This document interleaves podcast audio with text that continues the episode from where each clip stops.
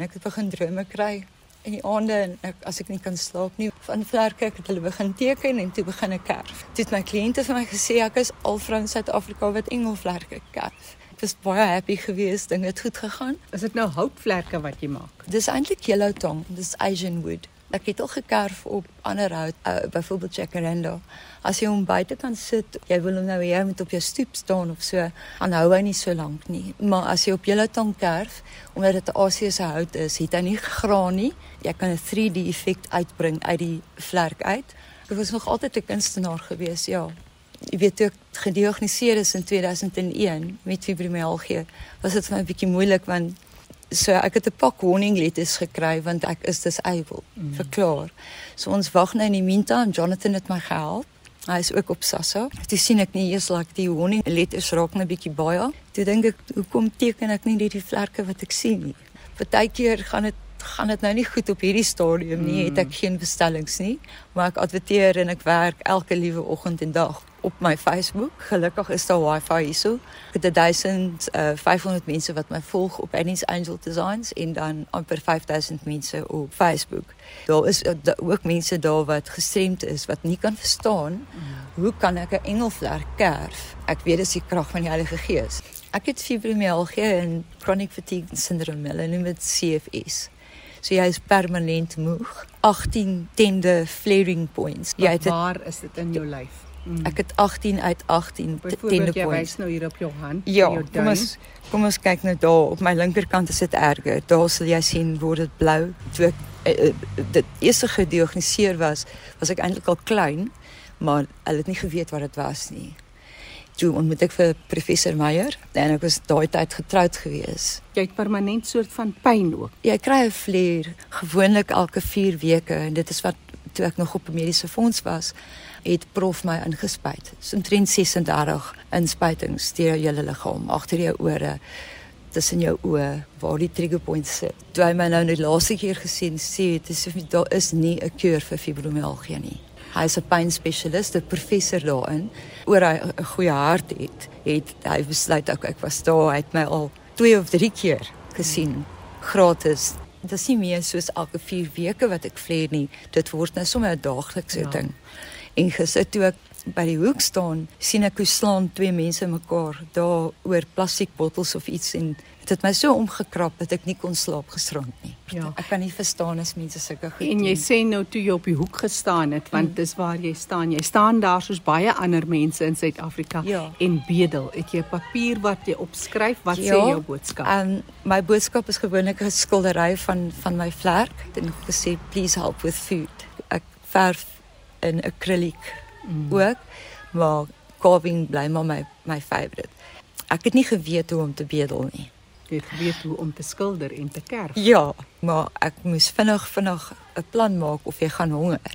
Is daar goed wat jy moet weet en goed wat jy kan beter doen? Daar is goed wat ek kan beter doen. Hoe ja. gaan jy maak om my geldjie te kry wat jy nodig het? Ek bly stil en ek hou my sign vas. Ek staan daar met my vlerk en ek sê dis vir ek is en ek het kos nodig en ek het medikasie nodig. Dan staan jy elke keer op dieselfde hoek? Ja. Mense wat dwelms misbruik, verander hulle hoeke. Net soos wat hulle hulle apteke sal verander. Ek is by een apteek en ek is op een hoek. Gesels ander bedelaars met jou. Ag ek dit klink nou baie onbedagsaam om jou so te vra, maar kry jy geld? Jy kan jy kossies koop elke aand. Weet jy, ek dink die ding dat ek nie mense irriteer nie help dit baie keer, maar ek kan nie lank staan nie. As dit ek bo op 'n immer. ek bly net stil. Mm. En elke en, dag gemiddeld hoeveel kry jy so? Ag. As jy lucky is, kan jy op 150 gaan en koop jy maar 'n bietjie brood of so, maar as jy 'n kliënt het wat ek lanklaas nou gehad het, kliënt daar die positief betaal het, koop ek haar goedjies wat sy nodig het mm. en dan kan ek nou dalk my broodjie koop of so iets. So ja, ander bedelaars kom na jou toe, maar hulle is op dwelms en doen weet goed en so aan. Omdat ek nie weet hoe om te bedel nie, bly ek eerder net stil en ek bly die pad uit. Die mense wat na is aan my is bekommerd dat 'n kar behoor my gaan ry want ek sukkel om te loop. Um ek was 7 jaar in die bed gewees met fibro en toe dink hulle dis MS. as ek skrik of as ek bang raak, mm. dan bring dit 'n vleuer op. Ja.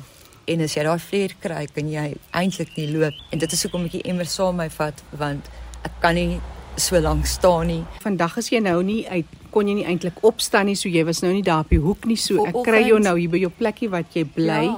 Maar sê vir my as jy daar buite staan, sit jy nou 'n hoed op jou kop en smeer ja. jy 'n bietjie ietsie aan jou gesig. Ek, ek sit 'n bietjie sunblock aan as ek het. Jy weet die mense wat verby jou ry, almal is 'n kliënt. Dit is ek hulle ja, behandel. Ja, potensiële kliënt. Ja, mense ehm um, gedra jy mos.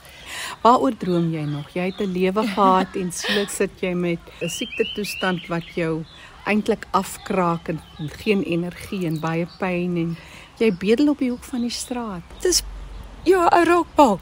Ja, jy is 52 en jy sien hier kom die mense sommer oor vir al jou taksies se goed. Hulle ry net bo oor 'n U-turn. Jy weet, so ek is by die testing grounds. So jy kry baie mense wat sê lelike goed vir jou. Maar dan hier en daar kry jy nou goeie mense soos Jan wat stop en sê, weet jy Annie, ek gaan jou probeer help. Maar my droom is ja, my vlerke is my droom. So jy wil jou vlerke kan sprei. Dis hy. Wat is jou Facebook page? Wat is Annie's Angel Designs. Annie's Angel Designs. Ja. Annie, as mense verby jou ry, 'n mens kan nooit mense se oë vergeet nie. Jy het die mooiste oë. Jy dink. Maar mense wat na jou kyk, wat sien jy in hulle oë? Wat is jou ervaring as jy daar staan?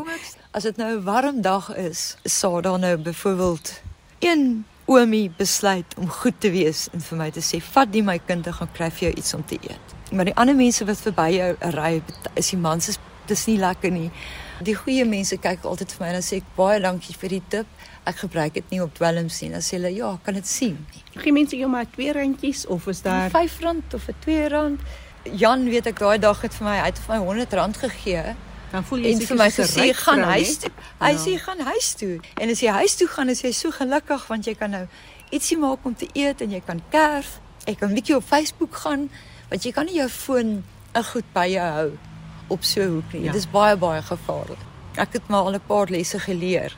Jy weet mense in die verkeer. Ek is so byvoorbeeld gister het ek net begin bid vir hierdie ou wat oor kan die pad met iemand anders beklei. Dit's baie rustig. Ek staan langs 'n dametjie wat 'n Zimbabweër is wat vir 'n kar workshop werk. As ek vir okay, ek gaan ek gaan gou check hoe ek 20 rand gekry of my brood koop of jy weet. Mm. Sy sê vir my, "Hoekom doen jy dit in sulke stukkies?" Ek sê want ek weet nie of daar nog kom nie.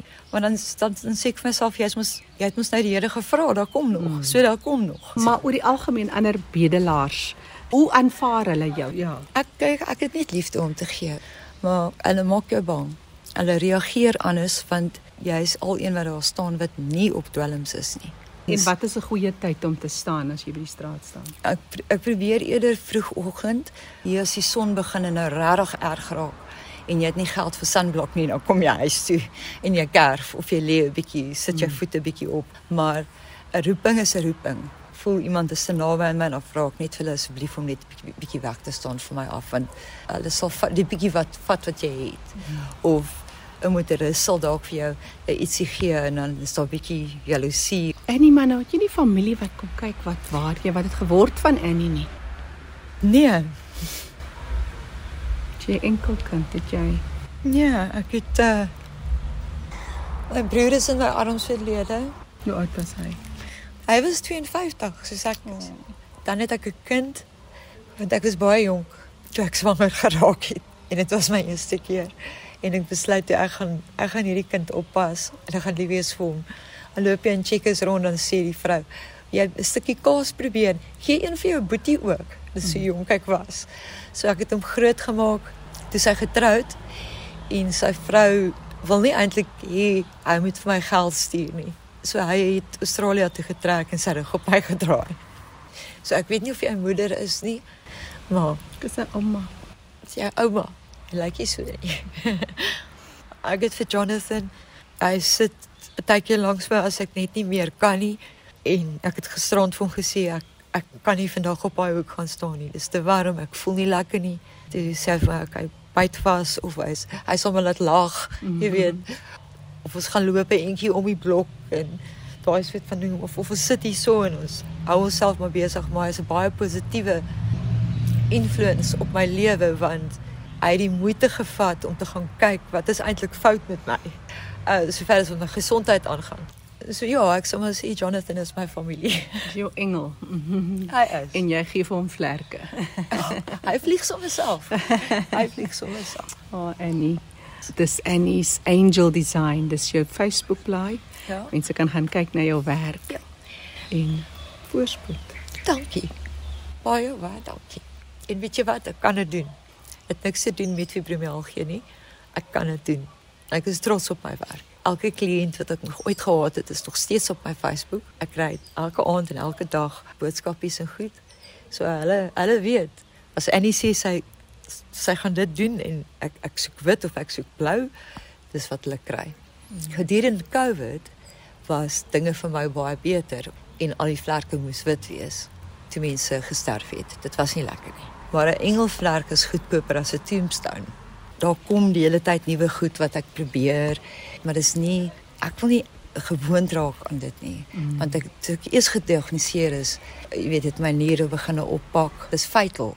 So dit is dit is waar die waar die krag van die Heilige Gees kom vir my is om net op te staan en aan te gaan. Maar dit is moeilik. Dit is baie moeilik.